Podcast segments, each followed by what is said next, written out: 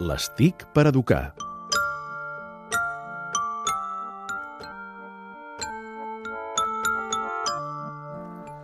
I a l'estic per educar d'avui amb l'Albert Murillo, el malson dels pares, un videojoc, o no?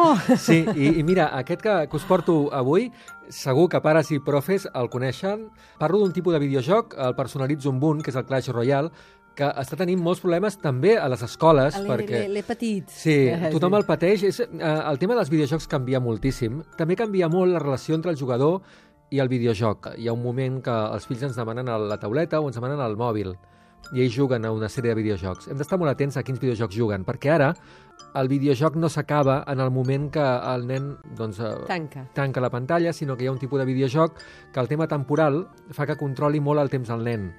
És a dir, el nen guanya un nivell, per exemple, al Clash Royale, guanya una sèrie de trofeus i un cofre o dos s'obren al cap d'una estona, d'unes hores, de 6, de 4... Jo he sentit aquesta frase, mama només obre el cofre. Exacte.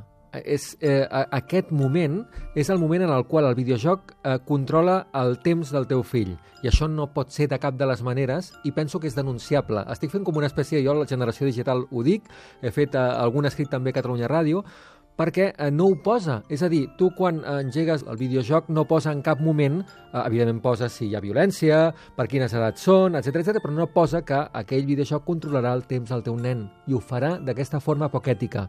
Penso que els pares han de saber a quins videojocs juguen, n'hi ha moltíssims com el Clash Royale, no és l'únic, i sobretot el que han de fer és quin joc jugaràs, veure com juga, i demanar-li al nen si hi ha una sèrie de trofeus que apareixen després, és a dir, que apareixen al cap d'un temps.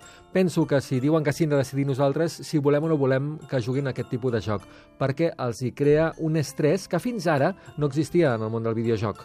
I com que està pensat sobretot eh, per gent adulta, que controla, doncs és bo saber que si juguen aquest tipus de videojocs, almenys els pares ho sàpiguen.